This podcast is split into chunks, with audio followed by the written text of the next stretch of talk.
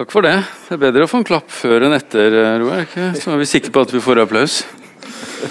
I dag er det nemlig ikke sikker på at vi, får, at vi sikkert at vi får applaus.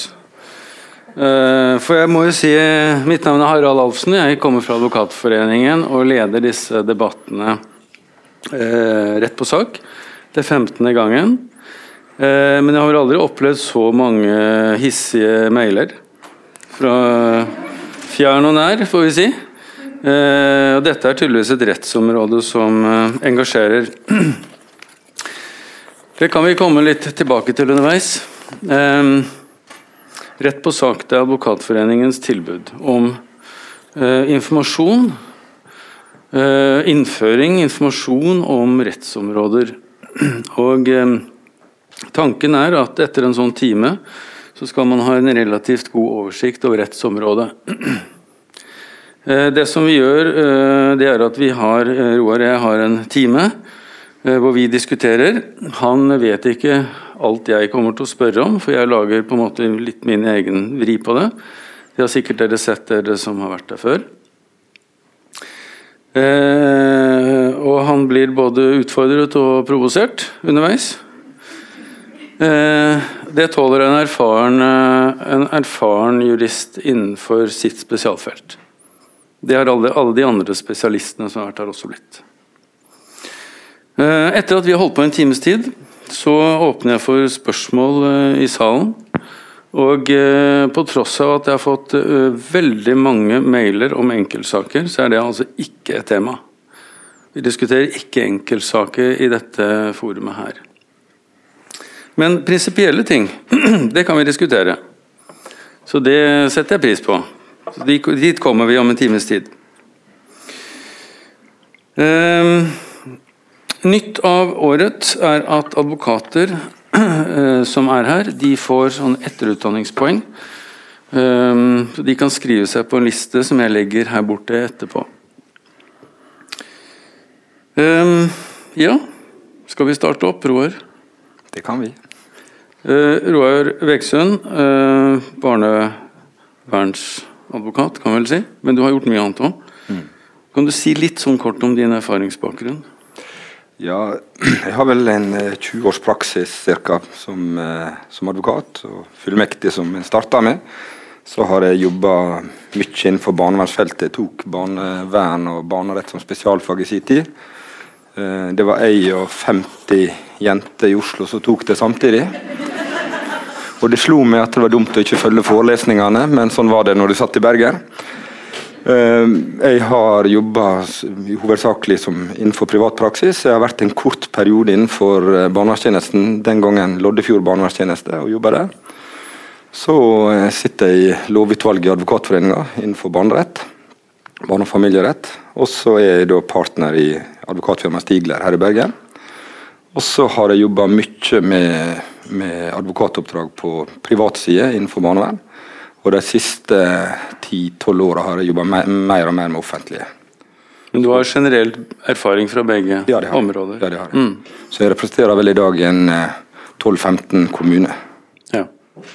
Hvis vi skal starte veldig sånn overordnet, tror jeg dette skal være sånn innføringstime mm. for de som ikke kan noe om barnevern. Og Det første spørsmålet jeg eh, fikk, det var eh, hva er egentlig forskjellen på barnerett og barnevernsrett? For meg som ikke driver med dette feltet overhodet, så tenkte jeg at det må være samme rettsområde, men det har jeg forstått at det ikke er helt tilfellet. Nei, det er veldig markerte forskjeller på barnelovssystemet og barnevernssystemet. Men det henger litt i hop likevel. Hovedprinsippet på forskjellen hvis en skal ta det veldig grovt, er at barnelovsystemet er jo et privatrettslig system som da regulerer forholdet mellom barn og foreldre, og regulerer da forholdet foreldre imellom overfor sine barn hvis de ikke bor sammen med barna, og regulerer da forholdet mellom foreldre og barn når de bor, bor sammen. Det er liksom som basisbiten. Eh, barnevernsfeltet er jo et offentligrettslig eh, offentlig eh, område. Eh, hvor, hvor det blir slik at det, er på en måte det offentlige kommer inn eh, med et inngrep som det enten kan være eh, frivillig eller ikke frivillig. og, og, og, og kommer inn med tiltak overfor familier eller overfor barn, der det er barnet som er hovedfokus, og ikke nødvendigvis det som kanskje foreldre mener er i deres beste interesse.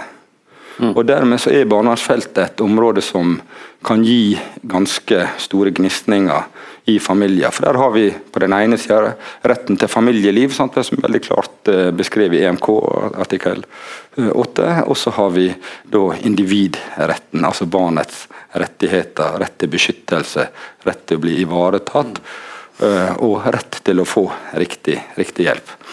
Så er det slik at eh, Hvis det blir en barnevernssak, så vil barnelovsystemet likevel ha en betydning, for det kan ha noe med partskonstellasjon å gjøre.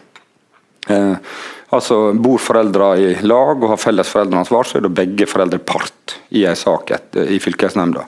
Bor barnet sammen med den ene forelderen, så er det det som da Da kan begge to være part hvis de har felles foreldreansvar, men, men da retter et omsorgsvedtak, hvis vi snakker om de ytterliggående tiltakene, da retter det seg mot den omsorgspersonen som barnet bor hos. Mm. Så, så, det er på, det har Barnelovsproblematikken har da betydningen for barnevernsbiten. Men en kan si det ganske enkelt at hvis en ser barnelovens paragraf 30, som er på en måte dette som går på foreldreansvar, og omsorgspliktene enhver har som har barn, så er det liksom svikten i de omsorgspliktene, eller mangler hos foreldre. Eh, eller om det ikke mangler, men at barn har særlige behov som gjør at de må ha en ekstra hjelpetiltak. Det er når det liksom eh, ivaretagelsen, omsorgen, ikke blir gjort på en god nok måte, som kan da gradere ulike typer tiltak. Mm. Men barnevernstjenesten de, de konsentrerer seg om barnevernsretten? Ja. Og for, for, du sier Når du sier privatrettslig, så er det en, en sak som da myndighetene ikke griper inn i på et vis. Det er foreldrene som må bli enige om en barnefordelingssak f.eks. Ja, ja, en barnefordelingssak, den er jo, de fleste, de fleste foreldre blir jo faktisk enige i en barnefordelingssak, og de fleste finner gode løsninger for ungene sine hvis de ser at de ikke kan bo sammen. og En god del av saken blir løst i, på, gjennom mekling i meklingsinstituttet. Og så er det da de sakene hvor foreldre ikke kommer til enighet, så havner i retten. Og Der har jo domstolene gått veldig langt i å videreføre meklingsinstituttet også i, i eh, domstolen, med betydelig hell. Spørsmålet er jo at det er en enorm ressursbruk i domstolen på disse barnefordelingssakene, og spørsmålet om ikke større del av de burde vært løst innenfor meklingsinstituttet på familievernkontor. Men eh, så er det jo dette her med, som er et veldig markert skille. Det er jo at eh, barnevernet driver ikke barnefordeling. Barnevernet kan gjerne mene mye om hva som er best for barnet, også innenfor en barnefordelingssetting. Men barnevernet skal i utgangspunktet ikke intervenere i en barnefordelingssak, men det gjør de ofte. Innenfor tungt innenfor råd og veiledning med videre, men i utgangspunktet er det en annen lov. Det er et snevert unntak, et rundskriv som heter 'plassering hos biologisk forelder', der barnevernet kan da, i stedet for å akuttplassere eller plassere et barn eh, hos fremmede, kan plassere hos den andre forelderen, f.eks. For Hvis det er da alvorlige mangler med den som har omsorgen. Men, hoved, men, hovedbildet her er at dette er altså to forskjellige ja. lover? Ja, det er det. Sånt? Det er det eh, offentlige rettslige inngrepet og det privatrettslige som skal ordnes mellom, ja. mellom, foreldre. Men jeg tenker da forlater vi egentlig barneretten. Ja, ja. For er, i, dag er det temaet barnevernsretten, men da har vi i hvert fall fått et litt sånn fugleperspektiv. Mm -hmm. Når jeg skulle forberede meg litt til dette og, og laget en, en disposisjon, så, så og, og jeg bruker da for jurister Eh, og jusstudenter, så er da Knoffs oversikt, det er Bibelen. Eh, først loven, selvfølgelig, men så er det Knoffs oversikt over Norges rett. Der står jo eh, alt i storbokstaver. Og så, Det er det jeg forholder meg til, egentlig. Og Hvis man går inn i, de, i, i hovedreglene i barnevernsretten, så det første som slår deg der, er på en måte hva er til barnets beste. Mm. Er det det som på en måte er triggeren? Ja, ja, det, altså Hele konseptet med barnevernlova er at alle tiltak som blir iverksatt eh, etter barnevernlova, det skal være til det beste for barnet. Men så har vi likevel dette med legalitetsprinsippet. Som altså, betyr, for ikke-jurister? Eh, en må ha en hjemmel. En hjemmel. Så Poenget er at eh, du kan gjerne mene at det er mye til beste for barnet, men har ikke en hjemmel for dette inngrepet. For det, det, er jo et ganske inngripende tiltak, det som ofte skjer innenfor barnevernsfeltet, så det må være en klar hjemmel. Det er liksom kjerna i legalitetsprinsippet. Dess sterkere inngrep, dess klarere hjemmel. Det vet alle som har sittet på, på skolebenken innenfor dette. Så, så poenget, det må være en lovhjemmel. Enten det gjelder hjelpetiltak, det gjelder å komme inn i heimen, det gjelder å snakke med barn alene, eller det gjelder da mer inngripende tiltak. Så det må være en hjemmel. Og når du først har denne hjemmelen, så er det et helt overordna prinsipp at barnets beste skal være det bærende prinsippet. Det, Hvem er det som avgjør hva, som er til barnets beste? Da? Det er et, det, det et utprega skjønnsmessig tema skjønnsmessig vurderingsområde. Og, og Kommer saka til nemnda, så det, sitter det fagpersoner i nemnda som også er med og, og kommer med innspill i forhold til dette. Barnevernsnemnda? Ja, fylkesnemnda. fylkesnemnda. Vi kan komme tilbake til Det ligger litt tilbake igjen i tid. Ja, ok. Ja, det ser du. Eh, men, men, men, Vi kan altså, komme tilbake ja, til har, disse ja, institusjonene og sånn, men prinsippet om barnets beste, er det er det utviklet av eh, Er det domstolskapt, eller er det, eh, eller er det lovgiverskapt? Jeg tror du må si at det er en kombinasjon mellom ulike fag. Og der har vært en utvikling eh, over tid på hva som ligger inn under dette med barnets beste. Hva er skadelig for barn, hva skal til for å eh, skjerme barn, eksempel, spesielt i forhold til barn som, som blir utsatt for vold, eller, eller, opplever vold i nære relasjoner. Så har liksom blitt mer og mer klart at eh, barn som, som opplever vold i nære relasjoner, har ofte samme symptom og samme skade som barn som selv utsettes for vold når de får disse krenkelsene i, i, forhold til trygghetspersoner. Og Det har vært en utvikling der det psykologi og andre fag henger sammen. Og, og De som jobber på de fleste barnevernstjenestene har et relativt eh, solid kompetansegrunnlag gjennom sin utdanning, gjennom metoder de har lært seg i forhold til undersøkelser med, med kartlegging med videre. Så I de fleste tilfeller så er det relativt klart tror jeg, for fagpersonene hva som er til det beste for barnet. Og Så kan det være uenighet om veien til, til målet. Mm. Men her er jo foreldrene uenige med fagpersonen nå. Ja. Det viser jo de mailer og sånt jeg har fått, at uh, hvem skal man egentlig stole på? Nei, Det er et bærende prinsipp innenfor all barnevernstenkning at er det motstrid mellom foreldrenes interesse og barnets interesse, så skal barnets interesse gå foran. Slik at en kan komme i situasjoner der foreldre kan oppleve det himmelropende urettferdig at tiltak blir satt i gang, men en ser at dette er til det, til det beste for, for, barnet. og Da blir det satt i gang. Og Da har en en fanebestemmelse i barnevernloven paragraf 4-1 som har overskriften 'barnets beste'. og Der er dette med stabilitet og kontinuitet og forsvarlig omsorg som er sentralt. At barnet ikke skal utsatt for skade med videre. Og så har du formåls, formålsbestemmelsen i barnevernloven paragraf 1-1 som også er veldig sentral i forhold til dette med stabilitet og og, og trygghet for dette barnet. For eh, En kan være uenig om hva som er det riktige tiltaket, men jeg tror ikke veldig mange er uenige om at barn skal ha det trygt. Barn skal ha god omsorg, barn skal bli ivaretatt og barn skal bli sett. Og Det nye som har kommet nå mer og mer, det er barnets medvirkning. Eh, at det kommer mer og mer inn at barnet skal tas med i prosessen med videre. Og Det er sentralt. Når skal det skje, da? Hvor gamle er de? Nei, det, det, skal egentlig skje eh, hele veien. Altså, som, som, vi skal snakke litt mer om når, når en sak blir så vidt alvorlig at den kommer i fylkesnemnda så blir det oppnevnt talsperson for barnet hvis det er under en viss alder. Eh, tidligere, sånn som det kommer fram både i den nye grunnloven 104 og det også kommer fram nå i, i, i lovendringa som kom i barnevernloven § 4 en andre ledd nå, så er denne medvirkerprosessen for barnet er et sentralt poeng. At barnet skal eh, bli hørt underveis og skal lytte. Og det er også slik at Når barnet er fosterhjemsplassert, så har også et adgang nå etter lovendring også ha en, en tillitsperson hos seg for å fremme sitt sak. Før har det vært slik at det skal komme en tilsynsperson, og så har det fungert litt variabelt. Og det er ikke foreldrene antagelig da? Er det en psykolog, eller er det en uh, fra barnevernet, eller? Det, det, kan være uh, altså, Eller venn av familien, eller? Ja, Det blir litt sånn hvor mange meter er der i en liter. Altså, det, det En trygghetsperson for, uh, for barnet. Mm. Det kan være en lærer, det kan være en fotballtrener, det kan være en forelder i nabolaget. Mm. Ehm, det kan være en trygg voksen person, og de skal en aldri kimse av. Mm. De kan være mange plasser. Mm. Men når du sier det altså Det står jo i loven, sant. Mm. Men øh, vi jurister er opptatt av at domstolen de, de, tolker loven, og de kan tolke loven i en retning. Sant? De kan tolke, Høyesterett kan tolke loven i en retning helt til på en måte Stortinget slår ned på den litt utvidende eller begrensende tolkningen mm. til Høyesterett. Mm.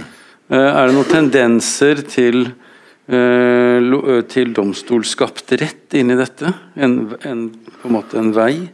Ja, det, det, er helt klart er det det. Um, en ser mer og mer at barnets beste, hensyn til barnet, veier tyngre og tyngre. Det har jeg sett i flere avgjørelser nå fra Høyesterett i 2015 bl.a. Der hadde den saka fra Rwanda. Han, han, var vel tilknyttet her i Bergen med, som var, som var mistenkt for folkemord.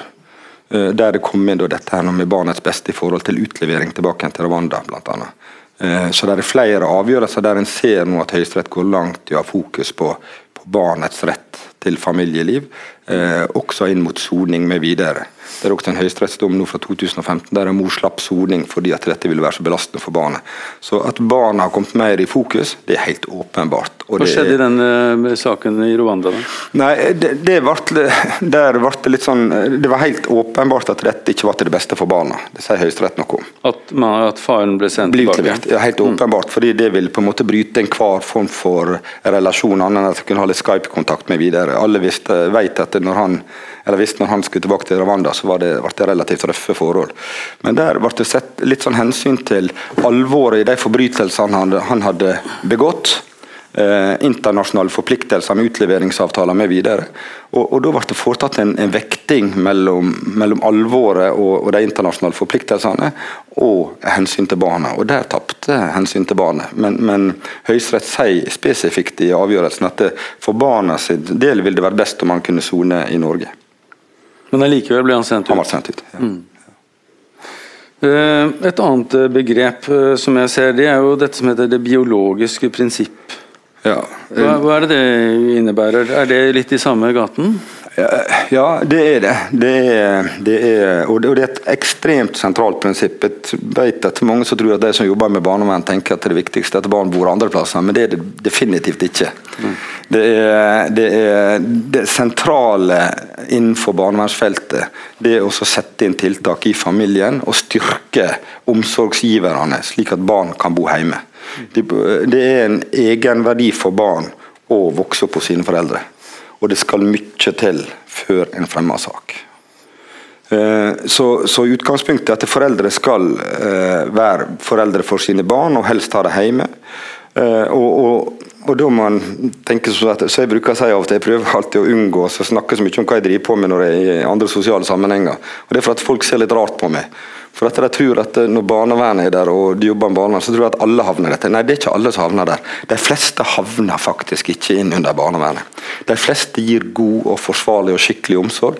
Og de fleste som har utfordringer og yter omsorg, har likevel ikke slike mangler at en må tenke en omsorgsovertakelse. Det er mange foreldre som er tilstrekkelige, men som har utfordringer. Og I de sakene har vi en liten trylleformel som heter hjelpetiltak. Men foreldre er viktige for barn når barna bor hos dem i en alminnelig familie. Foreldre er viktige for dem når foreldre har utfordringer. Det kan være psykiatri, det kan være litt rusproblem, det kan være ymse for, forskjellige ting. Eller det kan være barn som krever så mye at de krever mer av foreldre enn alminnelig oppegående foreldre. Det er mange av de barna, mm. og da kan det være krevende. Og Da er hovedpoenget at en forelder som ikke er tilstrekkelig Altså Det som står i forarbeidet, ikke et kvart avvik fra alminnelige normer skal rettferdiggjøre en omsorgsovertakelse. Det skal være forholdsvis klart uholdbart. Det er utgangspunktet. Og klart uholdbart det forteller litt om terskelen. Det skal mye til. Mm.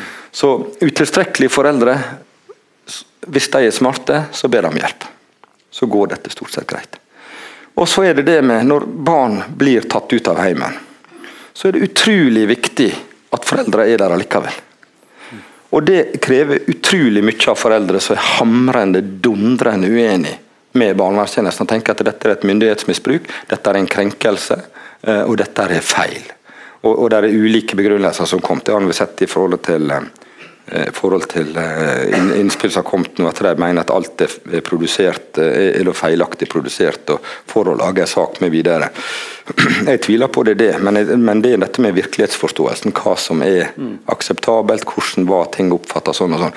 Men når foreldre er i den situasjonen at barna blir tatt fra dem, så er det de store foreldrene da er de som klarer å støtte eh, barna i den situasjonen de kommer i, altså i en fosterhjem.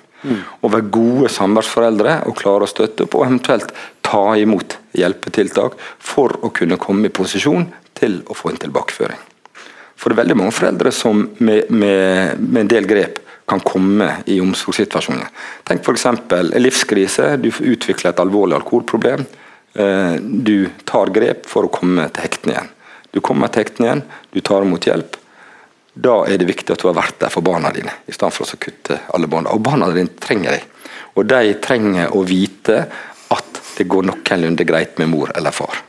De foreldrene som uteblir, de skaper mye uro. De foreldrene som setter barna i lojalitetskonflikt i fosterheimen, skaper betydelig uro for barna. Så også foreldre som mister omsorgen, er viktig for barna. Vi kan komme tilbake til disse hjelpetiltakene, men jeg vil bare gripe litt fatt i jussen igjen. Eh, du har nevnt nå Høyesterett, og du har nevnt FNs barnekonvensjon. Eh, hvordan er det på en måte rettspyramiden her? Altså, du har jo barne, barnevernsloven i den store røde boken. Mm. Og så har du hva er overbygningen? Er, er, er, har Grunnloven og Barnekonvensjonen en naturlig Er det et forankringspunkt til barnevernsloven? Ja da. Eh, den endringa som skjedde nå eh, i Grunnlova er jo utrolig viktig og veldig retningsgivende. Og Den er med å virkelig også styrke barna sine rettigheter. Men er det motstrid mellom internasjonale forpliktelser, både FNs barnekonvensjon, som kanskje er den mest sentrale, og EMK også er, sentral. FNs barnekonvensjon er mye mer tydelig uttrykk i forhold til dette med barnet. EMK eh, e har retten til familieliv som sin sånn mantra, men, men men i praksis er det helt åpenbart at EMK også vektlegger eh, barnet, barnet sitt fokus eh, som, eh, som, et supplement til retten til familieliv, hvis det, mm. det, skulle være motstrid på dette. Men er det motstrid mellom internasjonal rett og internasjonale forpliktelser og norsk barne, barnevernlovgivning, så skal det internasjonale gå foran. Det følger menneskerettighetsloven. Har vi noen sånne saker, eller? Det er jo vært diskutert med ujevne mellomrom. Eh, og i, eh, i media og i, på internettet er det hyppig, er det hyppig diskutert. Mm. Eh, og der blir ofte dette, det er Folk som er kritiske til, til norsk barnevernlovgivning, bruker ofte at dette er konvensjonsbrudd. Det er liksom et sånn gjennomgangs, gjennomgangstor. Men ingen saker er prøvd? Det vil det vel ha vært, vil jeg tro. Der er jo, der er jo den Adele Johansen-saken som ligger noe tilbake en tid. Der er jo den Sanchez-saken. La, la, oss ikke gå inn i detaljene. Ja, ja. Men det er flere saker. Norge har blitt felt. Ja, nettopp. Ja. Men la oss gå tilbake til Høyesterett. Du sa det er en ny bestemmelse i Høyesterett. Nei, i Grunnloven.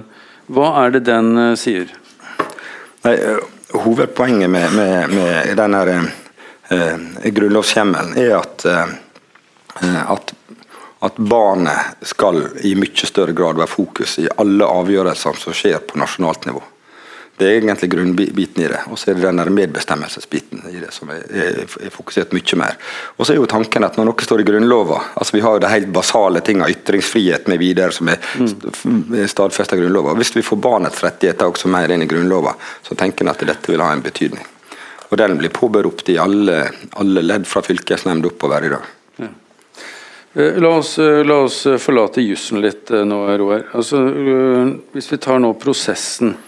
Altså starter, hvordan starter egentlig en sak? Altså, starter det med en, et varsel, en bekymring? Altså, hvis du tenker deg gangen i en barnevernssak, er det mulig å på en måte pakke den inn? Ja da. Det er, det er i hovedsaken tre-fire hovedmeldere til barnevernstjenesten. Barnevernstjenesten sjøl politiet og, og, skole er vel de kanskje som, som er, er, mest, eh, mest framme. Og, og, og, meldingsomfanget i Norge er formidabelt. Og da er det likt og ulikt. Er det tysting vi snakker om da, eller? Nei, bekymra folk. Mm. Eh, politi som kommer på hjemmebesøk, der det er husbråk, rus, mishandling av barn. Eh, helsestasjonen melder, eh, tannhelsetjenesten som kanskje melder lite, burde gjort det mer, melder. Barnehage er jo eh, stormeldere. Så Jeg gikk inn og så, på, på nett nå. I 2014 så mottok barnevernstjenesten 52 996 bekymringsmeldinger. Og så er da systemet når disse bekymringsmeldingene kommer, dette er fordelt over hele landet. Eh, så eh, har barnevernstjenesten en plikt etter barnevernlova. altså eh, Da kommer det inn 4-1, 4-2, 4-3, som er sånn innledende bøy og tøy. og Da skal de se om det er grunnlag for, altså om, det, om det meldinga i seg selv gir grunnlag for tiltak. Og Da kan det være helt enkle hjelpetiltak. altså Ole er ute klokka ti om kvelden, han skulle vært i seng klokka åtte. Han framstår eh, ustelt eh, med videre, sånn og sånn, og, og en nabo er bekymra, eller hvem det nå måtte være. Mm. Eh, så vil det være en sak at barnevernstjenesten tenker at dette må vi undersøke hva det er. Er det, er det spesielle forhold som gjør at mor og far til Ole eller omsorgsperson til Ole ikke klarer å, å, å, å følge opp Ole på en skikkelig måte? Nå har de plikt til å undersøke alle sånne nei, tips? Nei. Eh, det som, der er meldinger som blir, blir, henlagt, og delvis kan jo dette være av sjikanegrunner. En del av meldingene som kommer, det er jo helt eh, klart det. det. I, i barnefordelingssaker så har ikke du trutt alt som kan komme av meldinger av og til. Det er, jo, det er, jo, sånn du nesten blir mørkeredd. I barnefordeling, ja. ja mm. så, så, er det blitt en tendens til at en prøver å få barnevernstjenesten med på sitt lag. Og Da er jo det sjelden at en fremhever seg sjøl at det er hovedbiten, men en rakker ned på den andre. Mm. og I sånne saker så må barnevernstjenesten skille bart og snørr. Eh, hva er hva her nå? De psykologiske begrepene henger løst i beltet, antagelig. ja, men, men en, skal, eh, en, skal, være obs på som barnevernstjeneste og ikke bli en nyttig idiot eh, i en barnefordelingssak. Mm. Men det er jo flere barnefordelingssaker som har et sånt alvor, et sånt konfliktnivå, at det kan føre til eh, ganske alvorlige inngrep fra barnevernstjenesten. Mm. Så Når en da ser om det er grunnlag for å starte en undersøkelse, så begynner barnevernstjenesten med en undersøkelse og tar dette eh, trinn for trinn. Og eh, så eh, i en undersøkelsesfase, og der er det utrolig mye godt arbeid som blir gjort Eh, av barnevernstjenesten og, og ansatte i barnevernstjenesten rundt i landet. De gjør grundig kartlegging, og de har blitt veldig gode på metode. For en del år siden så kom det også bli kalt for Kvello-modellen. Opp igjen kalt etter en psykolog som, som utvikla et eh, kartleggingssystem som har vist seg å være utrolig bra. Der en går inn og så kartlegger litt nettverk, en kartlegger utfordringene mye mer, og en kart, kartlegger beskyttende faktorer, risikofaktorer hos barnet, og får en veldig en metodisk måte å gjennomføre undersøkelsessakene på. Så. Men er alle enig i det, da? Altså, nå snakker du, nå har jeg litt sånn kommuneadvokatfølelse. Uh, altså, ja. vil, vil, partene også mene at den modellen er, er? Ja, det, er jo, eh, det er jo fryktelig mange eh, foreldre som er glad for å få hjelp fra barnevernstjenesten. Det var jo nylig en undersøkelse som viste vel at over 85% av de som mottok hjelpetiltak fra barnevernstjenesten, var fornøyd med samarbeidet med barnevernstjenesten. Mm. Og Det er ganske omfattende hvor mange barn som får eh, hjelpetiltak. I eh, samme 2014, fra samme tabellen, så fant jeg ut at det var 53 088 barn i alderen 0 til 22 år som mottok hjelp fra barnevernet. Så Barnevernet er i utgangspunktet en hjelpeinstans. Men i media så er ikke det det som er fokus. Eh, men det er hjelp en, en driver på med. Sant? Vel, vi har denne gutten eller denne jenta som detter ut fra skolen. En er inne der med hjelpe, hjelpetiltak i ymse varianter. Støtta med fritidsaktiviteter. Det er foreldrestøttende tiltak. Du har et eh, barn som har utfordringer. Eh, der er masse veiledningstiltak inn i forhold til å styrke omsorgsrollen til foreldre. Det er avlastning i forhold til en omsorgsperson som har tunge, omfattende, hjelpet, uh, omfattende omsorgsoppgave som trenger å få litt avlastning av og til. Det er det som egentlig barnevernsbiten i hovedsak råd og veiledning. Eh, mye av de eh, foreldre som har utfordringer med, med, små barn, får tilbud om de utrolige årene f.eks. Og får foreldrestøttende og styrkende tiltak som sitter som et børseskudd. Mm. Hva er det for noe? De utrolige årene? som, eh, nei, det er en Det er en børseskudd, forsto jeg, men Nei, det utrolige årene er en metodisk tilnærming. Her er sikkert hundrevis i salen her, eller hundre i salen som kan uttale seg bedre om dette enn meg, men det er, det er foreldrestøttende tiltak som, som går ut på å styrke foreldrekompetansen og lære å lese barn og være adekvat i forhold til hvordan du skal håndtere barnet ditt. Mm. Og Dette vokser foreldre på som ei kule, og de eh, klarer å, å gi eh, barna sin god omsorg, og god nok omsorg, slik at hjelpetiltak er mer enn tilstrekkelig. Mm. De fleste foreldre vil det beste for barna sine. Sånn er det. Det er enkelt. Mm. Men eh, når Ja, vi kan komme litt tilbake til tiltakene og sånt, men Eh, det er noen saksbehandlingsregler oppi dette her. Det er mye beskyldninger om taushetsplikt og brudd på taushetsplikt og den type ting. Hva, måte, hva, er, hva, hva har man taushetsplikt om og ikke om? Og Hva er reglene for det? Ja, altså Taushetsplikt eh, det er jo som jeg sa en kar litt så lakonisk til meg en gang, den vanskelige taushetsplikten. Og det er egentlig ganske godt beskrevet. For taushetsplikt er en vanskelig eh, affære. Der er da den forvaltningsmessige taushetsplikt som mange har, som, som jobber innenfor ulike ulike instanser innenfor offentlig forvaltning. Og så har du den profesjonsbaserte taushetsplikten, som gjelder for eh, mer profesjonsfag, leger, helsesøstre mv. Mm. Men i forhold til barnevernsansatte så har de skjerpa taushetsplikt eh, gjennom egne regler i saksbehandlingsregler i barnevernlova. Og Det er jo meint fordi at andre forvaltningsorgan skal kunne gi informasjon til barnevernstjenesten, og skal være trygge på at dette ikke er informasjon som, som, som eh, forsvinner rundt overalt i systemet. Barnevernet har en særhjemmel som veldig få andre har eh, i, i, i barneloven kapittel 6-4, hvor en kan pålegge andre forvaltningsorgan og eh, psykologer med videre innenfor gitte rammer mm. til å gi informasjon til eh, barnevernstjenesten. Og det, er, det, er, noe som igjen da stiller krav til den som mottar opplysningene, i forhold til dette med taushet med videre. Og det, Dette gir enorme dilemmaer i mange situasjoner. Uh, men den taushetsplikten er jo ikke, er ikke fullstendig for barnevernstjenesten. Altså Blir det da f.eks. avdekka at et barn utsettes for alvorlige krenkelser, uh, så har barnevernstjenesten adgang til å politianmelde dette. Barnevernet skal ikke drive med etterforskning, det skal politiet gjøre. Så, eh, men og, Alt som går på taushetsplikt og dialog. Altså, jeg bruker, Når jeg har kurs for de kommunene her, så bruker jeg å si at så lenge, så, så lenge er det mulig, så har jeg en åpenhetspolitikk. Og ikke formalisere dette med hva som er interne notat og hva som er sånn og sånn. For Det er mye bedre å ha en dialog og ha muligheten til å ha kontradiksjon med foreldre.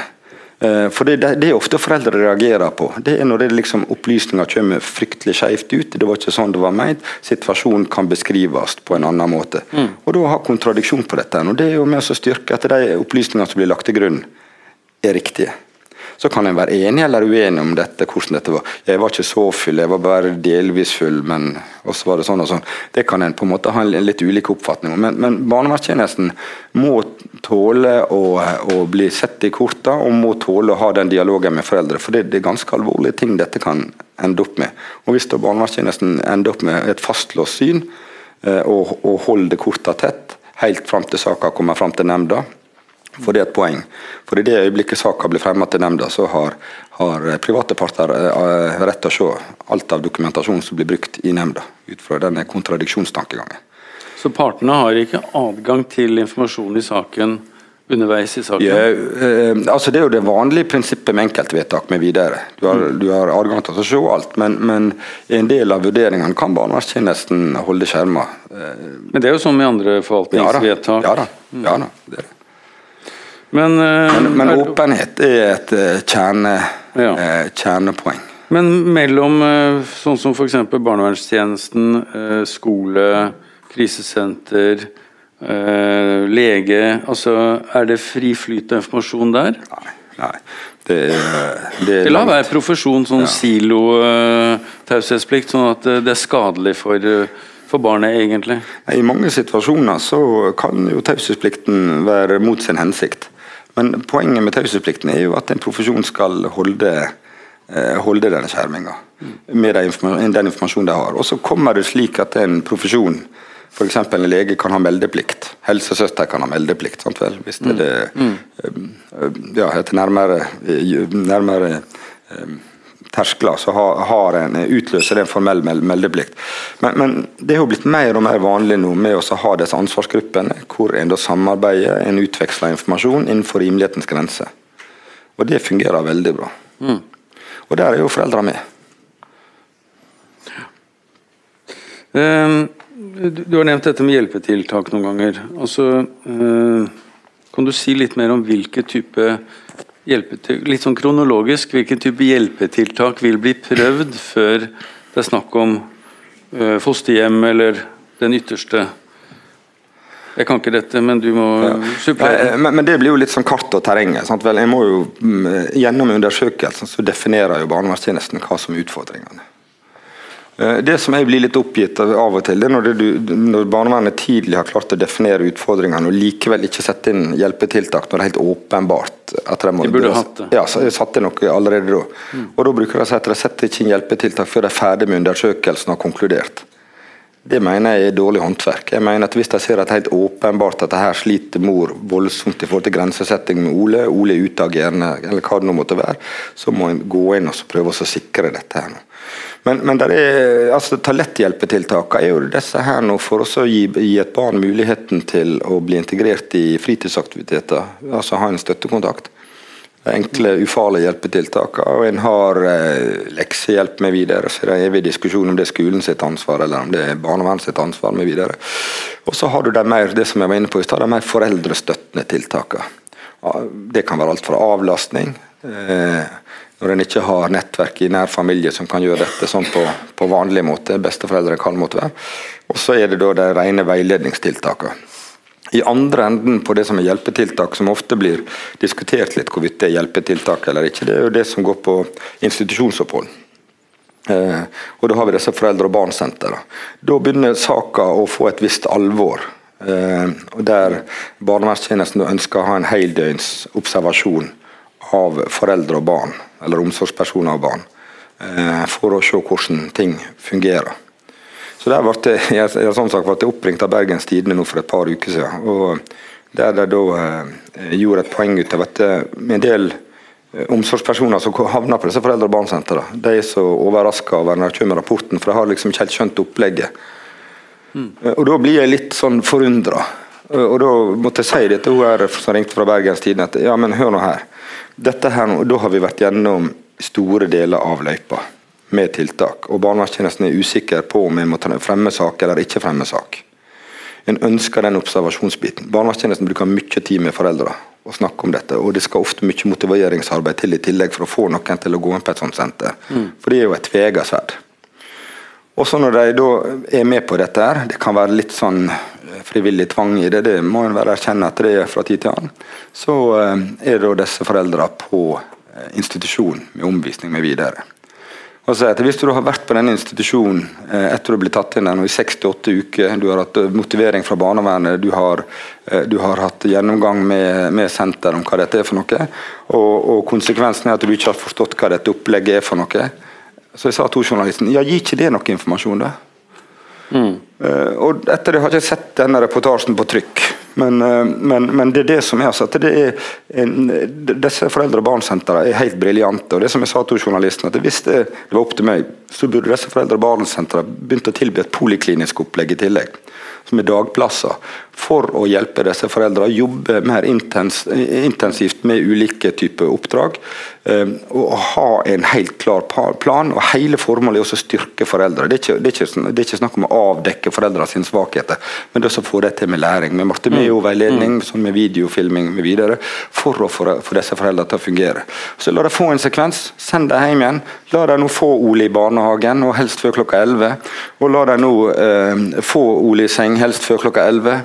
Eh, og alle disse tingene. La oss lage en mm. struktur, ja, men prøve å lage et varmt måltid og så disse tingene, og, jobbe med dette. og Få en struktur på dette. Mm. Uh, og så komme inn igjen på dette senteret, slik at det ikke er kun disse heldøgnsoppleggene som er. Men har barnevernstjenesten nok kapasitet til å følge opp alle disse frivillige eh, hjelpetiltakene? da? Ja, Der er jo, der er jo det store forskjeller på, fra kommune til kommune og ressurssituasjonen er jo svært ulik. Jeg har jo vært borti kommuner der eh, rådmenn har begynt å kikke veldig strengt på når de får inn flinke barnevernsledere, f.eks. For, eksempel. for det koster jo penger. Nå har det vist seg at det koster en del penger å ikke sette inn tiltak også, men det kommer litt etterpå. Eh, så, så, eh, det er helt klart at Barnevernstjenesten har en hjelpeplikt etter lova. Dette er jo en diskusjon om dette skal være en rettighetslov for barn med videre. Men, men jevnt over så springer vel de fleste barnevernsarbeidere rundt som noe piska skinn og er stadig bakpå. Det, det virker som, veldig urimelig at, eh, at, det skal opp til hver enkelt kommune. At det skal være så for store forskjeller. Ja, altså, du, du ser i, i, små kommuner med få ansatte, så er dette kjempebelastende. Spesielt når de får veldig alvorlige saker. Det fører til store utfordringer. Så Jeg har vært en sterk talsmann i, i mange år for, å, eh, for å, eh, at det må være interkommunale, et interkommunalt samarbeid, slik at du får større fagmiljø. Mm. Små plasser. Det gir stor usikkerhet. Du havner på samme sparbutikken, du går på samme fotballtrening eller skytterlag. Det er små forhold. Um, og Jeg husker første sak jeg var inne i en kommune. og De hadde ingen metode på undersøkelsessaka si. og, og de hadde masse ting som var bekymringsfullt eh, i forhold til eh, omsorgen for noen barn. Og så sa jeg at ok, men da spoler vi tilbake igjen. altså Vi kan på en måte ikke bygge på hva dere har hørt på butikken og på bygda. og sånn og sånn. Nå begynner vi metodisk å hente inn eh, informasjon. Mm. Og Samme bekymringer viste seg når vi henta inn informasjon, men det er på en måte en litt annen måte å gjøre det på. Mm. Så, så, de små kommunene er, bør tenke som hvordan de organiserer barnevernstjenestene sine. Mm. Det, det, minner meg jo om et av de spørsmålene som vi har fått. Eh, som er eh, hvilket ansvar har rådmannen i kommunen for at lover og regler eh, blir fulgt? Rådmannen i en, i en hvilken som helst kommune har ikke et eh, veldig klart ansvar inn mot barnevernsloven. Eh, rådmannen er arbeidsgiver, eh, sånn som talsmann for kommuner, men, men ansvaret for utøving av barnevernlovgivninga tilligger barnevernsleder. Men er ikke barnevernsleder under instruksjonsmyndighet ikke på, faglige, Ikke på faglige spørsmål. Mye, mye, av kompetansen til barnevernleder er, er utpekt direkte i barnevernsloven. Så rådmann, Det er faktisk slik at en har taushetsplikt overfor rådmann i forhold til eh, det faktiske innholdet. Mm. Hvis vi, hvis vi, nå har snakket om disse frivillige hjelpetiltakene litt, la oss gå over på hva hvis det ikke hjelper. Altså, man, hvordan griper man inn med type omsorgsovertakelse eller ja, nå er jo liksom lovgiveren prøver jo stadig, stadig å finne nye metoder for å hjelpe eh, foreldre som, som eh, har utfordringer, men som kanskje ikke helt ser det sjøl. Eh, og Tidligere så var det også mulighet til å pålegge hjelpetiltak ved tvang. Eh, litt begrensa. Nå har den adgangen økt. Med, med, lovendring som skjedde nå ganske nylig. Så nå kan en pålegge i mye større grad eh, hjelpetiltak mot foreldra sin vilje. Pålegge Pålegg om å bo i et sånt eh, ja, hus, f.eks.? For ja, mm. Eh, Foreldre-barnhus? Ja, og du kan pålegge støttekontakt.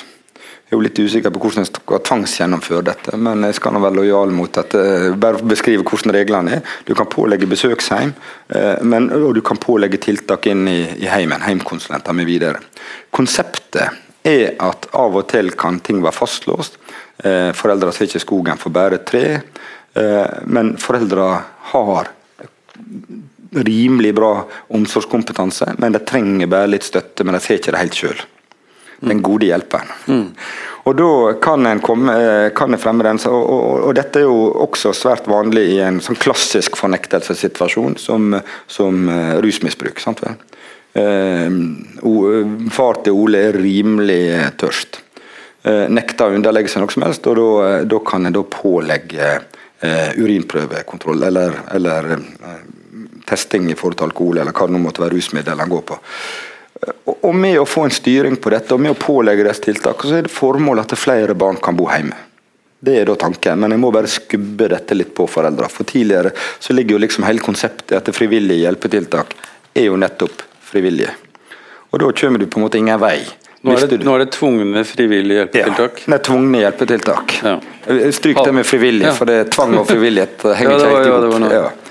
Så, men, men, men, ideen er jo dette her nå retten til familieliv. At, mm. ja, skal barna skilles fra foreldre fordi foreldre gjør dårlige valg? da? Hvis det du kan endre på dette på en annen måte. Mm.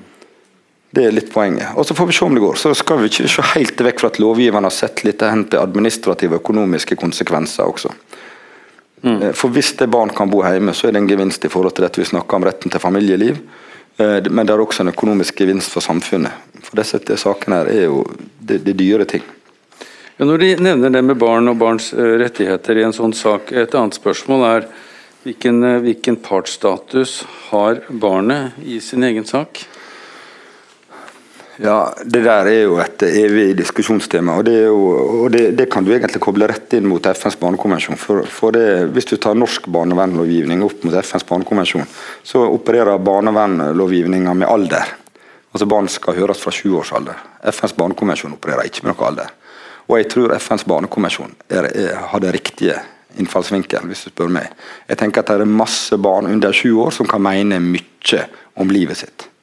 Eh, med tyngde, og de vet, mye om hvordan de har det. Mm. Så jeg tenker at eh, barn tidligere må gis adgang til å gi uttrykk ut fra alder og modenhet. Og det må vurderes ut ifra det også. Eh, men det, hvis du tar sånn, det formelle utgangspunktet, så er at barn blir, skal høres fra sjuårsalder. års alder. I fylkesnemndsaker så er det oppnevnt egen sånn barnets talsperson for de små barna. Det er en som er oppnevnt av nemnda, som går og snakker med barna, og, mange av de talspersonene er ganske gode. Og de kommer med mye god informasjon i forhold til barnets situasjon, hvordan de har det, hva de har opplevd og hva de ønsker. Og Barn har ganske klare meninger, også i saker der de har hatt det kjempevanskelig. Dette mm. med samvær, kontakt med foreldre med videre. Mm. Uh, men rene partsrettigheter i en omsorgssak det får ikke barn før de fyller 15 år. Og, og det, det, tror jeg blir rimelig restriktivt praktisert. Jeg er litt usikker på om jeg syns det er riktig i alle saker. For det er ofte barn som kan være 13 år som kan mene mye om hvordan de vil ha det framover. Men hva betyr for, det at de får partsrettigheter, da? Nei, Da får oppnevnt egen advokat kan gjøre sitt syn gjeldende. Mm. Spesielt tenker jeg sånn tilbakeføringssaker. Sant vel? Eh, barn blir helt utmatta av og til av tilbakeføringssaker der det er åpenbart eh, at, at, det ikke vil bli en tilbakeføring. Barn ikke vil det sjøl. Eh, I sånne saker så mener jeg at barnet burde ha fått advokat lenge før. Så er, det, så er det i atferdssaker. Det er de sakene der det er barnet Det er ikke foreldre som er subjektet for omsorgssvikt, men det er atferden til barnet som gjør etter kriminalitet, eh, vagabondering, rus eh, eller, eller, det som på annen måte som er en sekkebestemmelse med litt av alt og ingenting av noe. Men der er da eh, barna, har barna selvstendige partsrettigheter uavhengig av alder. Så da får de oppnevnt egen advokat. Mm. uansett. Og så er det er ikke det helt symmetri i lovverket. for dette Barnevernloven har dette med barnets talsperson eh, i, eh, i, eh, sin lex specialis, mens det i tvisteloven ikke står noe om talsperson. Så Hvordan skal en håndtere det der, når det er rettslig overprøving i en barnevernssak? Og Det har vært problematisert for en del private advokater. Det står ikke om talsperson i loven, dette må dere finne en annen løsning på. Men de finner ut en eller annen fiffig slalåmløype, tror det er noe via noen vitnehjemler og noe sånt. Men, men det blir, talspersonbiten blir ofte dratt videre også i dette. Eh, eh, hvis vi nå forlater på en måte de, disse hjelpetiltakene litt, for mm. andre spørsmål vi har fått, går jo på dette med akuttplassering akuttiltak. Eh, hvordan, eh, når kan det foregå? Hvordan foregår det? Og er det i tråd med lover, lover og regler, som et spørsmål her? Ja, Det er jo an på øynene som ser. Det er jo relativt klart. Men, men det en kan si, altså når, når en går på tvangshjemlene, for å ta den store overskriften på det, så er det to, i hovedsak to bolker med tvangshjemler. Det er akutthjemlene, og så er det den rene tvangshjemmelen som går på omsorgsovertakelse akutthjemlene og, og, og den rene omsorgsovertagelsen. Eh, det trenger ikke nødvendigvis å ha, å, å ha, ha samme terskel. Altså Beviskravene for en omsorgsovertagelse er lavere enn for en akuttplassering. Og så er det mange varianter av akuttplassering også. Vi har akuttplassering hvor det foreldre er forkommen. Sant vel? De havner ute i tung rusing, en øyeblikksbasert greie. De skal da feire et seriemesterskap eller hva det måtte være, og, og bli helt uh, utilgjengelige. Altså Barna da etter barnevernsloven § 6-1 må tas ut. Men dette er foreldre som er, har møblert hjem og, og, ordentlig ellers, men dette var en superglipp. Så må de da ha noen Konossa-gangrunder med barnevernstjenesten, og så kommer det barn tilbake. Så har du de mer alvorlige tilfellene Eh, som er der barn blir tatt på klinikken. Det er det som blir omtalt som 'extremely harsh measure' i EMD-praksis. Det, det, er røffe saker. Nyfødte, nyfødteavdelingen? Ja, ja, og da henter en barn på klinikken. Så det er på en måte en egen bolk i det. Og Så har du alminnelige akutthjemlene i fire-seks andre ledd. Og Da skal det være, eh, skal det, skal det være far for barnets eh, liv og helse, egentlig. Altså skal være alvorlig, det skal være alvorlige, mm. det skal være en akuttsituasjon. Mm. Og Den skal du ha ut, utgangspunkt i den omsorgen barnet får, og, og det, skal være, det skal være et vesentlighetskrav. Men hvem kan, hvem kan, eh, hvem kan fatte et sånt akuttvedtak? Det tilligger enten påtalejurist hvis dette altså det, De fleste kommuner er jo viselig lagt opp slik, nå kommer det en endring på det, men at barnevernssituasjoner, herunder akuttsituasjoner, skal skje innenfor arbeidstida. Nå vet vi at de fleste akuttsituasjoner ikke nødvendigvis skjer i arbeidstida, men kanskje en litt sein lørdagskveld eller hva det nå måtte være.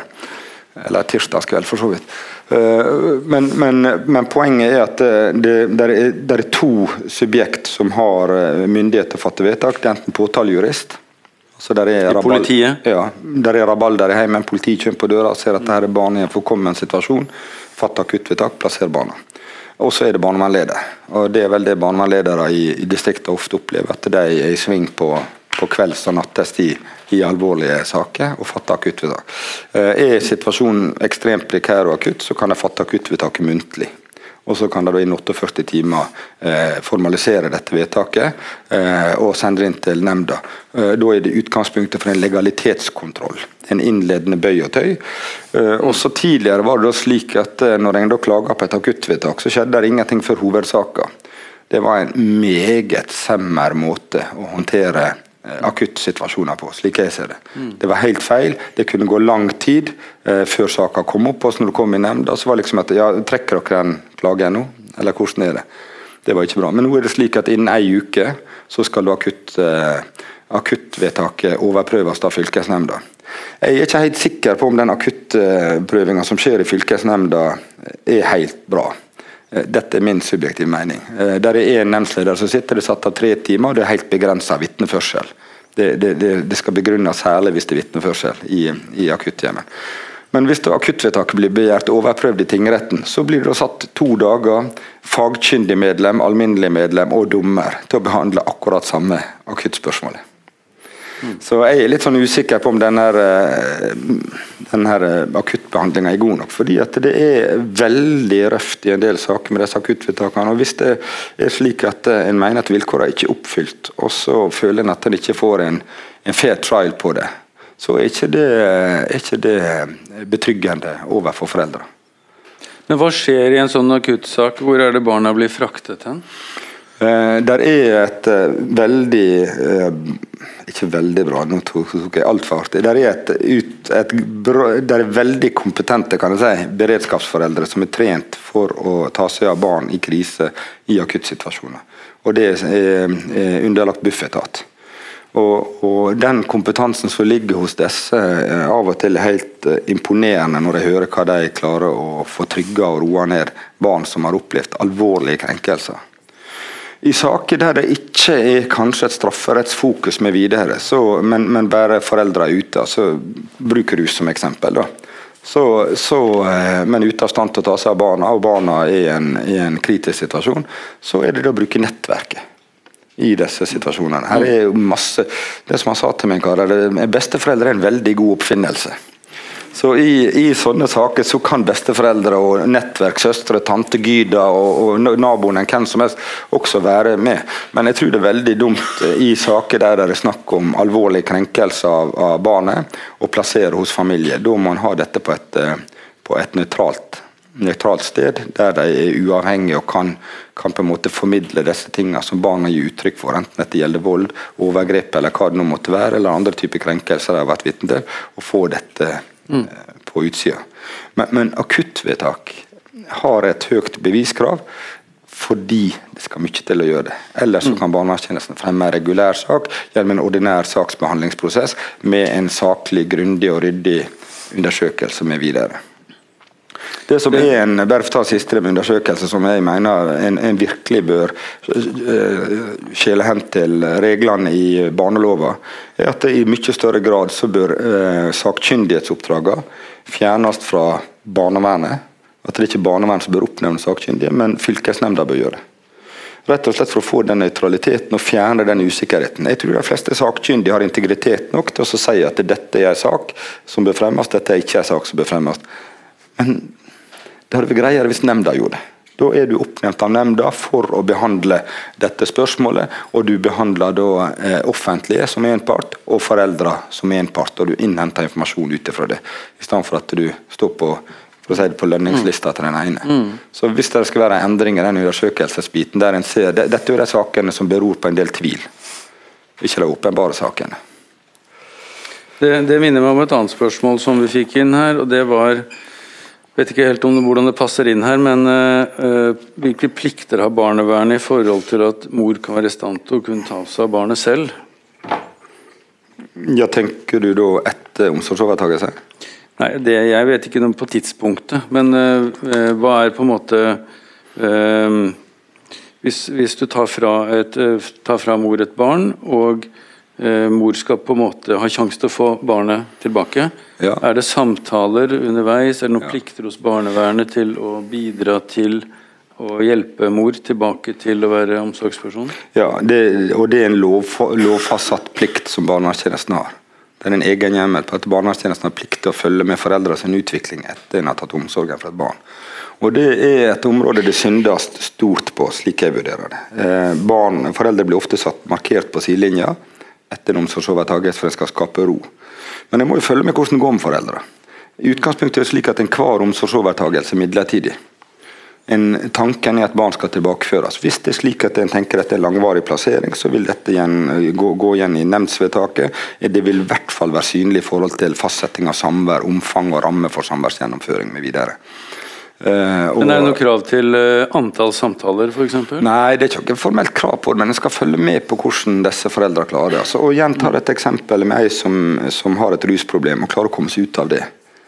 Og Så skal en da si at eh, ok, det var fint du gjorde det, uh, men det kan jo hende at hun kan være omsorgsperson for barnet sitt mm. når, når, hun har stabilisert seg. Før vi går videre her, nå, nå, snakket vi om først hjelpetiltak, bare for å ta det sånn at jeg får det med meg her hjelpetiltak, mm. og så er det akutthjemler mm. hvis det er behov. Mm. Og så snakker du nå om omsorgsovertakelse. Ja. Det er et større bilde, sant? Ja, det det. Da, da, da, er det snakk om fosterhjem, eller Ja, da er det regulær sak for fylkesnemnda, som er da første instans.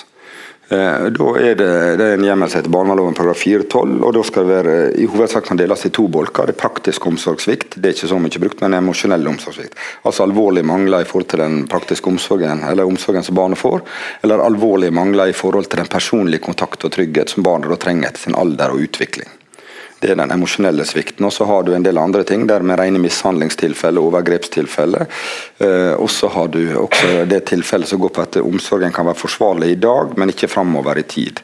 I forarbeidet er dette spesielt nevnt eh, i forhold til psykisk utviklingshemma foreldre videre, der barnet vil vokse fra Vokse, forbi foreldre. Mm. I de tilfellene er det skjerpa beviskrav. I forhold til omsorgs, nei, vanlig omsorgsovertakelse så er det alminnelig eh, sannsynlighetsovervekt som er grunnlaget. Men så er det slik at om det, det er slik at det er en omsorgssviktsituasjon, så er det langt ifra sikkert at en skal ta omsorgen av den grunn. Og Det er der en kommer inn i disse tingene, prinsippene vi var inne på i stad. Dette med mildeste inngrepsprinsipp. Jeg skal se hen til det biologiske prinsipp. Og med mildeste inngrepsprinsipp det er av stor betydning i vurderinga som nemnda skal gjøre. For er det slik at hjelpetiltak verken er forsøkt eller vurdert, så skal, det, skal alvoret være stort for å kunne ta omsorgen. Fordi at foreldre må få en sjanse. De må få prøve seg, en må se på hjelpetiltak, en må prøve å sette inn kompenserende og støttende tiltak for disse foreldrene for at de skal klare omsorgen. Men hvis det, dette er forsøkt, eller at foreldre mangler fullstendig innsikt i at det er noe som de skal endre, så er det ikke så lett å endre på noen som ikke skjønner at noe skal endres. Mm. Så, så, det, det krever litt, Men i utgangspunktet så skal det være forsøkt, og det skal være vurdert. Og det skal være forholdsmessig å foreta en omsorgsovertakelse, og det skal være rimelig. Og så er det dette bærende prinsippet at det skal være til det beste for barnet. Er Men er det da de blir, man blir plassert på barnevernsinstitusjon? Nei, de fleste barn, nesten uten unntak eh, det er ikke helt uten unntak, men de fleste barn blir plassert i fosterhjem. Når er det man kommer på barnevernsinstitusjoner? Nei, Det er i hovedsak atferdssaker eller, eller, barn som har veldig omfattende og, og, og svært krevende omsorgsbehov. Mm. Men de fleste blir plassert. Og Det som nå har blitt en, en ny trend som han er ikke så ny, men, men jeg syns at bevisstheten har blitt mye større. Det er familieplasseringa. At en kaller en til familieråd, en får storfamilien på plass. Hei, hva kan dere bidra med? Ole trenger en ny omsorgsbase, vil dere være. Onkler og tanter ja, og ja. Ja. Og det viser seg at de fosterhjemsplasseringene som skjer hos biologisk familie, fungerer mye bedre for barna enn andre fosterhjemsplasseringer. Besteforeldre står i mer enn enn eh, fosterforeldre ofte. Det er masse flinke fosterforeldre.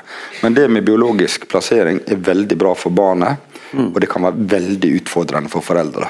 Altså Det er juleselskap, det er familiehøytider, det er masse ting som kan være vanskelig. Og Hvis det er en del type problematikk, så kan ikke denne omsorgspersonen være til stede. Det er tøft for de som da blir fosterforeldre, mm. og veldig tøft for da, denne som blir holdt utenfor. Men for barnet kan det være veldig bra å få den plasseringa.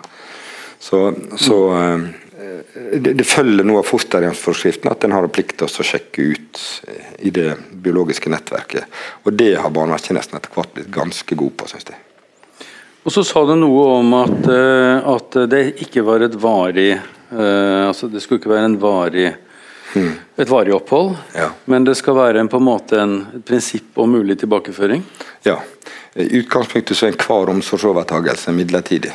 Og så er det en del tilfeller der du kan med ganske stor sikkerhet fastslå at dette blir langvarig. Og Da er vi også inne på dette med rettsvernet som veldig mange som er kritiske til barnevernet, med styrke fremhever at rettssikkerheten innenfor barnevernet er for dårlig. Der er jeg dundrende uenig. Uh, og Det vil jeg argumentere med følgende, at Barnevernstjenesten, som da blir på en måte sett på som den stygge uh, i dette her, i forhold til disse foreldre, uh, har de har tilrådning til fylkesnemnda. Det er ikke barnevernet som bestemmer om det skal bli omsorgsovertakelse eller ikke. Det er fylkesnemnda.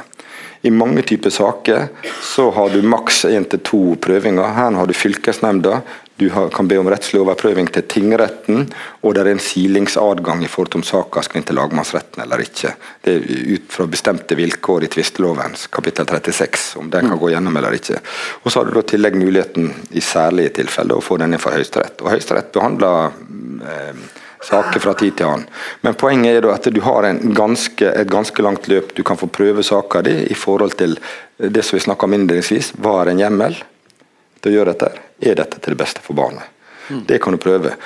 Og I forhold til masse andre typer saker der rettskraftvirkningene slår til med full styrke, så kan du i barnevernssaker be om at saka skal prøves igjen etter ett år.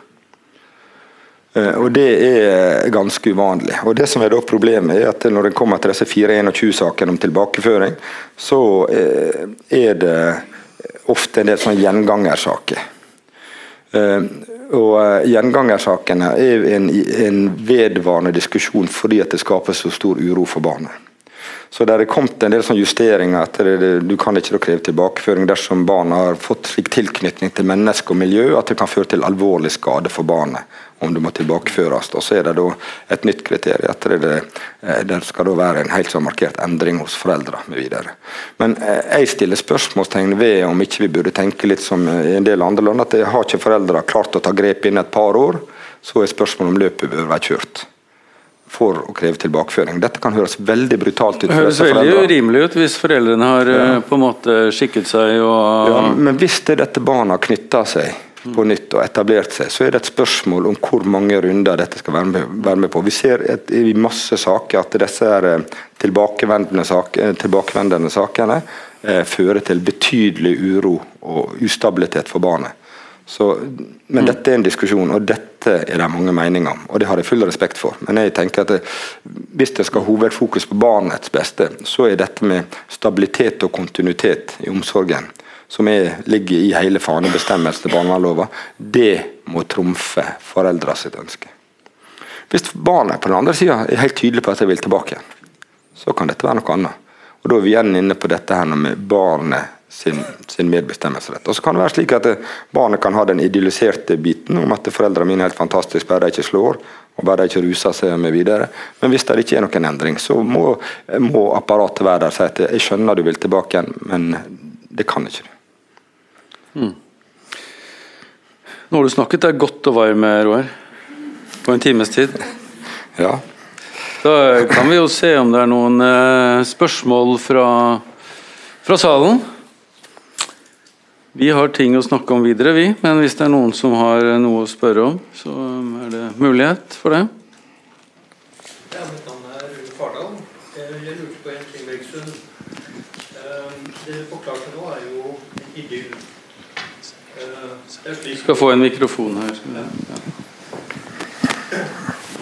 Hallo, hører du meg? Ja. ja. Eh, det er slik loven beskriver at det skal være. Men så vet jo de fleste, både i barnevernet og utenfor barnevernet, at ting følger jo ikke alltid uh, den idealiserte loven. Og Ditt fokus var jo nå da på at vi har foreldre som ikke fungerer, som vi prøver å hjelpe, eller ikke hjelpe. Men hva når systemet, som du som kommuneadvokat, svikter? Altså Du har fagfolk som gjør gale beslutninger. Du har advokater som produserer falske dokumenter. Eh, og du har eh, ting som ikke er så idealisert som det du har beskrevet. For, for det du beskriver nå, er jo helt fantastisk. Men virkeligheten er jo ikke sånn, fordi man ser jo det når konfliktene eh, drar i gang. Har du noe å si, om, si til dette med når fagekspertisen svikter? og inkludert advokater og barnevernssjefer. Når de svikter Vi, vi kjenner jo alle Naustdal-saken og andre hvor hele verden protesterte. Noe går jo galt. Og, og Hva tenker du om, om, sånne ting? Ja, hva skal jeg si? Altså um, uh, Jeg er jo ikke helt sikker på om jeg fullt ut klarer å følge resonnementet ditt. Men men jeg tror ikke at det, det ville overraske meg stort hvis det var en barnevernstjeneste som med viten og vilje gikk inn for å, å, å svikte. Um, det en ofte ser, er jo at uh, barnevernstjenesten og private parter kan ha et veldig ulikt uh, syn på faktum. Og Det var jo det jeg var inne på i stad. Jeg mener at det er utrolig viktig at barnevernstjenesten bestreber åpenhet i, forhold til, i forhold til den informasjonen en bygger på, for å få korrigert f.eks. Uh, uh, uriktigheter, misforståelser eller andre ting.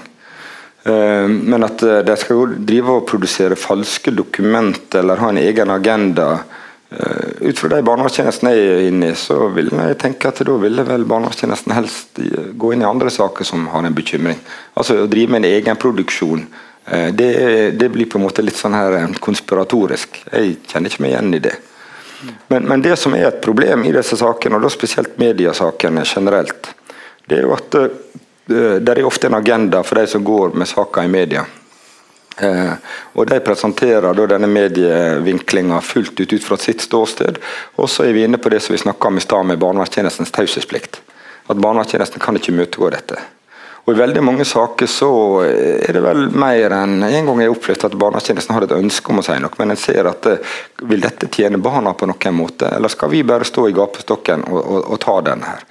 For ofte så blir det slik at, eh, at uh, journalister kan være kritiske eller ikke kritiske, uh, og i en del saker så ser vi at de går litt skoene av seg.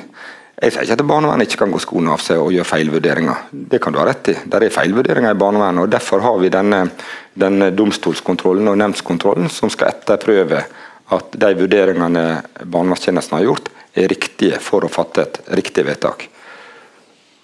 Men ofte ser jeg i disse sakene at det er veldig ulik opplevelse av faktum. Ja, men eh, la meg supplere litt, eller utfordre litt der, Roar. fordi at eh, Eh, det er jo ganske mange andre fagområder hvor man kan si at fageksperter på en måte svikter. Mm.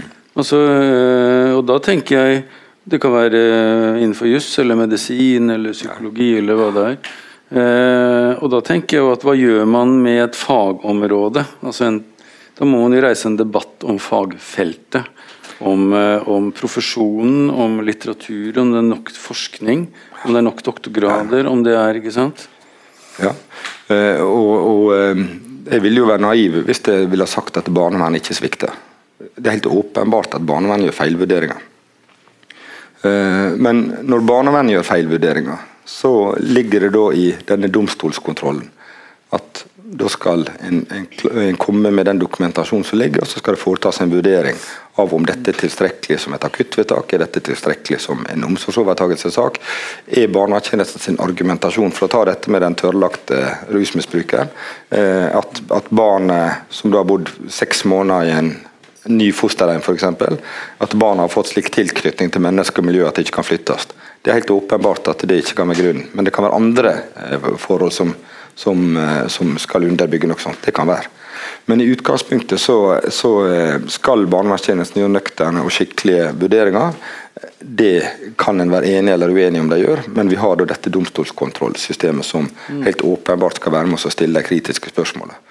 Men jeg er ikke så imponert over den domstolskontrollen, egentlig. fordi at domstolen i Norge er jo sånn at vi, vi har ikke spesialdomstoler. Ja. Og Det betyr at en fylkesnemndsak som skal ankes oppover i systemet, vil jo ikke møte fageksperter, altså vil ikke møte dommere med eh, nødvendig utdanning innenfor dette feltet. Sånn som vi ikke vil møte dommere innenfor noen områder, egentlig. Men eh, kan det være at, eh, at vi burde hatt eh, mer spesialisering lenger opp i domstolssystemet? Ja, dette er jo en diskusjon, og, og der er faktisk møte i det utvalget som skal levere en NOU i dag, om, om denne særdomstolen. Om, om ordninga med fylkesnemnda med videre. Om fylkesnemnda skal bestå i den form det er, eller om vi skal få en, en spesialisert domstol innenfor barnerettsfeltet i, i, i, i stor i stor skala. Eller om fylkesnemnda kanskje blir på en eller annen måte, sånn som i England, tatt inn i det alminnelige domssystemet. Der er det også egne advokater som jobber inn mot eh, barnerettsfeltet i, i vid forstand. Eh, Så denne diskusjonen er absolutt levende i Norge i dag. Men hva som blir utfallet av den, er ikke helt sikker på. Men jeg kan si noe om retningene. De som jobber innenfor nemndsystemet, de er veldig opptatt av å bli særdomstol. Og de som er i domstolsapparatet er veldig opptatt av at det ikke skal bli særdomstol. Så de ønsker generalistene inn i forhold til dette. Og det er jo ikke helt slik at, eh, at eh, det ikke er kompetanse i disse sakene. Um, eh, alle, nei, alle tingrettssaker som har rettslig overprøving, blir jo satt med en fagdommer og en fagkyndig medlem og et alminnelig medlem. Og Er saka av en spesielt komplisert art, så kan både fylkesnemnda og tingretten settes med fem dommere. Det skjer med, med ujevne mellomrom i, eh, i krevende saker. Men de fagkyndige meddommerne som brukes, ja. hvor hentes de fra? De hentes fra et utvalg eh, i eh, tingrettene og i, i nemndsystemet. Og Der har vært en diskusjon over tid nå med, med at det har ofte vært slik at eh, eh, sakkyndige eh, også er fagkyndige. Altså Du er fagkyndig når du sitter bak kateteret, og du er sakkyndig når du avgir en sakkyndig rapport. Eh, og, og den uhildetheten det er blitt jobba mye med for å få en, skape en avstand. Før vi går videre, Roar. eh, Var det andre hender i været? Der var det en. Jeg har et spørsmål, eh, to spørsmål angående akuttvedtak. Um, det første Hvis et barn sier på skolen 'mamma eller pappa slår meg', hvem er det da hva fagperson er det da som snakker med barnet for å finne ut av dette? Hvem er det første da som snakker med barnet? Skal jeg ta det først? Ja. Nei, Den første som snakker med barnet, da er jo da denne læreren, selvfølgelig, som barnet betror seg til, eller den tillitspersonen. Dette skjer jo ofte i barnehager også, det at okay. de skriver... Den andre, da? Eh, Det er ikke helt uvanlig at barnevernstjenesten er ganske tidlig på ballen, og så snakker med barnet. Eh, er da det nok for å eh, foreta et akuttvedtak? Nei, ikke i seg sjøl. Eh, men det kan være grunn til det, selv om ikke det er fysisk tegn til det. Er det så å forstå? Ja, det er jo helt klart det kan være det. Ja. Altså Det med voldsproblematikk mot barn er, og, frykt, og frykt, frykt som barn opplever, det er en ting som ikke kan tas nok på alvor. Eh, I saker der barn forteller Men barn vold kan faktisk si ting som ikke er sant. Ja, det kan det. Og så har jeg et spørsmål til. Eh, Et barn som sier det er blitt slått. Mm. Og så venter du jo da tre uker før saken kommer opp Mm. i fylkesnemnda. Når skal barnet til lege? Etter at barnet har sagt at det blir slått. Altså Det som er rutine i disse sakene her nå, eh, med voldssaker, hvor, eh, eh, hvor det blir, blir, blir vurdert at enten dette er et pågående eh, en Dette her er bare en gutt som har sagt at han har blitt slått. Ja, men jeg må ta dette på generelt grunnlag. Ja, men altså, et barn som har sagt at Ja. han har blitt slått, kun har blitt slått. Det er ingenting annet. Ja, og da er det slik at Hvis dette blir vurdert å ha en viss alvor og en troverdighet, så blir ofte disse sakene også en politisak. Og Da kommer eh, politiet inn og barnehuset med tilrettelagte avhør med videre. Når barn kommer til barnehuset og gjennomfører tilrettelagte avhør og forteller om voldsutøvelse, så er det Eh, som en del av rutinen, slik jeg har forstått det, også slik at det blir foretatt medisinsk undersøkelse. av. Ok, Og det skal skje før eh, eh, saken er kommet i retten? Saken om- akuttvedtaket er kommet i retten? Er det så å forstå? Ideelt sett, ja. Ja. Det vil jeg si. Men når det ikke skjer, kan en da si at og at det ikke blir tilbakeføring, kan en si da at det har blitt et grundig nok vurdert sak? Nei, det er ikke sikkert jeg kan si grundig nok. Det, det skal jeg være enig med deg i. Tusen men takk skal du ha. Ja, men, men jeg vil gjerne fullføre svaret. Og Det er, der er en, en høyesterettsdom på akkurat det. Og Det går på at dersom eh, alvoret i akuttmeldinga eh, er slik at, at barnevernet må intervenere, fjerne barnet, og så, eh, og så undersøke. Og Hvis det viser seg at de bekymringene som kom, enten dette er snakk om overgrepsproblematikk eller alvorlig voldsproblematikk, viser seg å ikke være tilfelle, så skal da barnet tilbakeføres. Hvis det ikke er grunnlag for det, og det er heller ikke andre forhold som er med å underbygge dette. Ok. eh, det der var vel litt sånn på grensen til et, eh, et enkelt, eh, en enkeltsaksspørsmål, men eh, vi får la det gå. Vi har et spørsmål her. Ja. Jeg melder tilbake igjen til domstolsprøving. Og hva kompetanse har fylkesnemnda og domstolene av eget tiltak til å vurdere om barnevernet har gått utenfor sin kompetanse i, når de tar av sine avgjørelser? Og det samme også i forhold til hva en kommuneadvokat til å vurdere om barnevernet har gått utenfor sin kompetanse i en sak som den er part i. Ja, for, for å ta Kan du, gjenta, kan du gjenta spørsmålet, sånn Ja, at jeg får det med meg? Ja, altså Spørsmålet er, hvis jeg forsto det rett, så er det eh, hvilken kompetanse tingretten har i forhold til eh, å gå utenfor påstandene til barnevernstjenesten?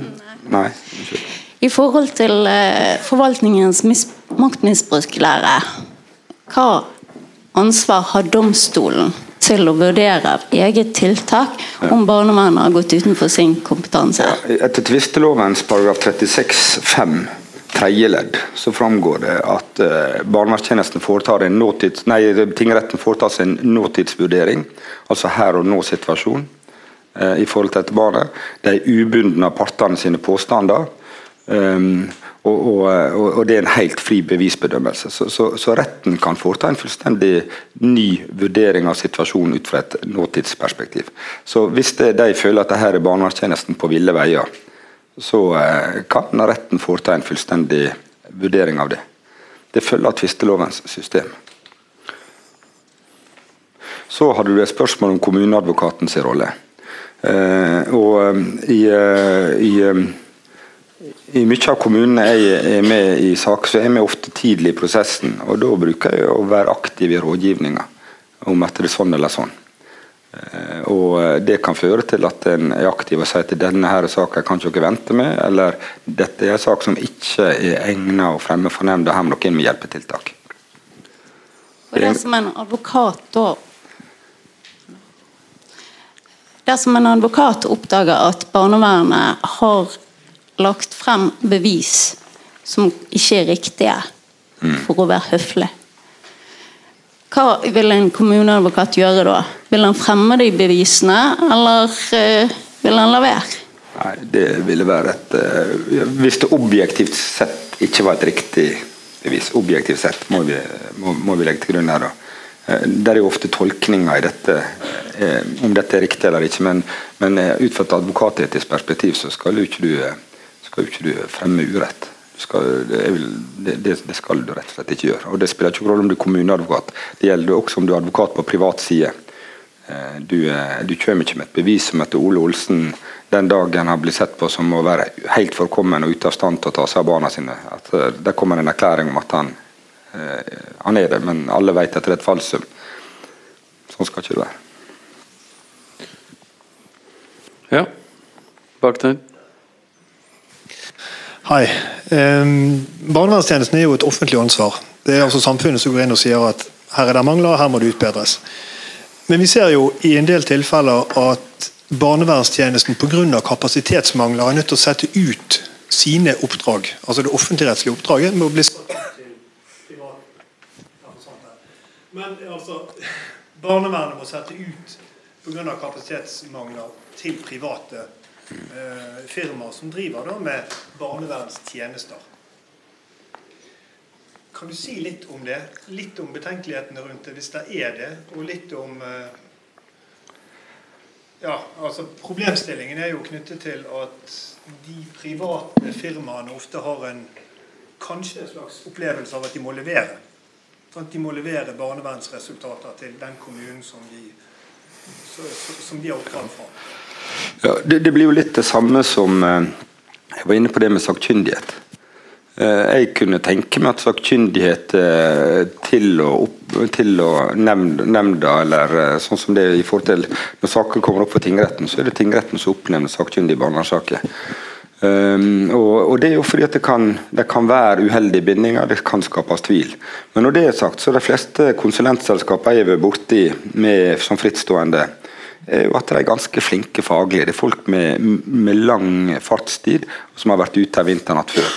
Men ofte er disse innleide konsulentene, med all respekt for dem, altså, men ofte er de utrolig dårlige som partsrepresentanter eller vitner, alt det som, når de kommer i nemnda. For De har jo bare dokumenter å forholde seg til. De har ikke vært i situasjonene. De har ikke snakka med mor, de har ikke snakka med far, de har ikke snakka med barnet. Og Da er det noe helt annet med å ha et vitne som har vært til stede, eh, eller en part som har vært til stede og fulgt saka på en skikkelig måte fulgt mor og far over tid. Og Det er jo en frustrasjon som både barnevernet eh, sjøl deler, og, spesielt foreldre deler, og fosterforeldre deler, er jo at det, det er jo så stor turnover. At det er vanskelig å få en, en, en, en som er ansatt i barnevern som har fulgt saka over tid. Men har du et sånt vitne med en intern en som kjenner saka, så er det et veldig godt vitne. Ja, vi har et spørsmål til hvis det ikke er noen akutt i salen vår. Og det går jo på uh, reglene for adopsjon, eller tvangsadopsjon. Ja, Hva er, det, hva er reglene for det? Nei, det, det, er jo et veldig følsomt område, på sett og vis, men, men uh, spesielt sett fra foreldrenes ståsted. Altså, utgangspunktet kan si at De fleste adopsjoner som skjer i Norge, er jo fjernadopsjon. men er, er, det snakk om adopsjon til eller fra? Nei, det, uh, Tvangsadopsjon? Altså, hva ja, er det? Foreldre mister jo omsorgen. Uh, I større grad enn det der. Ja, det, det, det, er jo de rettslige båndene som, som, på en måte er Men de fleste adopsjoner i Norge det skjer enten som fjernadopsjon, eller at foreldre eh, eller nye partnere da går inn og, og, og foretar en adopsjon av barn som, som, er i familien. Når det gjelder adopsjon etter barnevernlova sitt system, så, eh, så, har det skjedd en endring i barnevernlova de siste, de siste åra, der en til tross for adopsjon likevel har åpna opp for at det kan være kontakt med biologisk familie. Men, nei, men før du går videre, er det altså et, uh, er det et virkemiddel ja. som barnevernet ja. har, eller uh, lovgivningen har? Ja. Uh, I særlig tilfelle at man kan da bortadoptere barn? Det er for mange barn som har bodd lenge, det er streng, veldig strenge kriterier for adopsjon i barnevernssaker. For barn som har bodd lenge, f.eks. nesten hele livet i, i fosterhjem, så kan det ha enorm betydning, dette å kunne bli adoptert inn i en familie mm. i forhold til barnets fungering. Ehm, men, men når det kom den lovendringa med at en ga, ga, ga, åpning for samvær med videre, at det biologiske båndet ikke var eh, brutt, så skulle en kanskje tro at dette førte til en endra praksis, at terskelen for adopsjon endra seg. Men, men i, det er to avgjørelser fra 2015, og den ene avgjørelsen fra 2015 det går, i er Høyesterett litt sånn ja takk, begge deler. Da, da sier de på den ene siden at det, de strenge kriteriene for adopsjon er ikke endra. Uh, eh, og det andre de sier at men disse momentene med at det kan være samvær med videre, vil jo være et vurderingstema. Mm. Og var det avklarende? Nei. Så, så, jeg vet egentlig ikke helt om hva som er, hva som er, er rettstilstanden, men poenget er i hvert fall at eh, eh, barnevernstjenestene har et ønske ut fra barnets ståsted om at flere må kunne adopteres. Men hadde jeg vært fosterfar, så, så, ville, så, måtte det vært utelukkende ut fra barnets ståsted.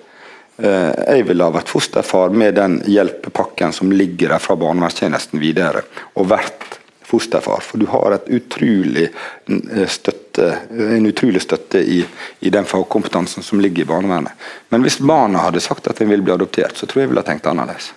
Mm. Men, men terskelen er veldig høy.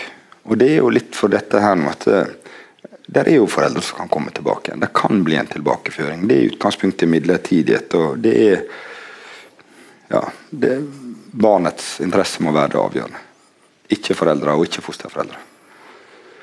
Før vi, eh, vi har kommet til veis ende, Roar. Før vi avslutter, så vil jeg minne om at vi har en ny sånn her samling. 25.10. Da er det Forsvaret som skal under lupen. Militære rettsregler. Eh, når soldater kan drepe i krig og fred, f.eks. Og når de kan bli sendt til Kakebu. Så eh, inntil da, takk for at eh, dere kom, og takk til deg.